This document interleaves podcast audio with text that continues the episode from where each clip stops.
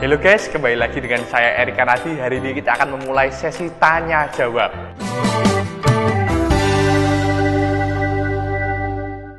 Ada pertanyaan dari Bu Dita Dwi Endah.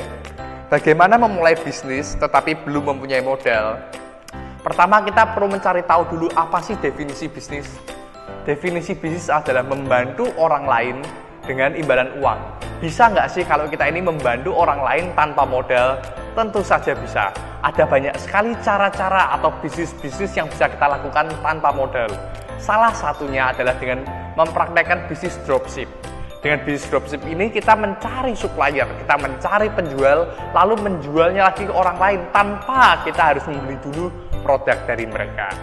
Contohnya, jika tetangga Anda menjual apel seharga Rp5.000 dan kita ingin membantu menjualkan apel tersebut, kita bisa minta harga spesial dari dari tetangga kita. Bu, boleh nggak kalau saya minta harga spesial seharga 4000 Semisal boleh, nanti kita cari dulu penjualnya. Kita cari dulu di tetangga-tetangga kita yang lain. Lalu kita tawarkan, saya punya loh apel yang bagus loh. Harganya Rp7.000. Mau nggak?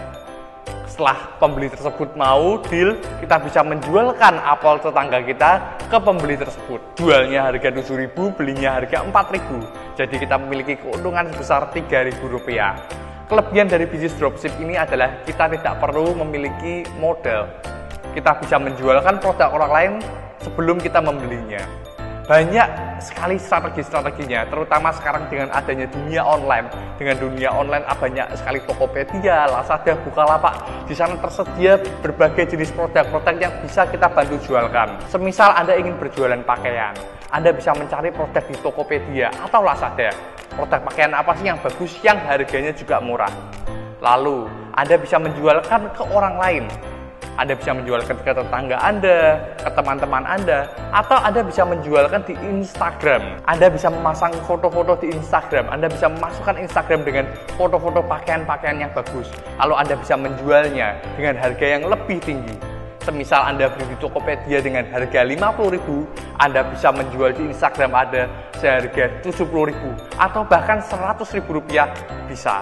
Anda tidak perlu membeli dulu pakaiannya. Semisal ada customer yang memesan di tempat Anda seharga 100 ribu, Anda bisa beli di Tokopedia seharga 50 ribu dan memintanya untuk mengirim langsung ke alamat pembeli Anda. Tapi jangan lupa untuk meminta ke penjual untuk tidak mencantumkan harganya, sehingga customer pun tidak tahu berapa sih harga belinya Anda.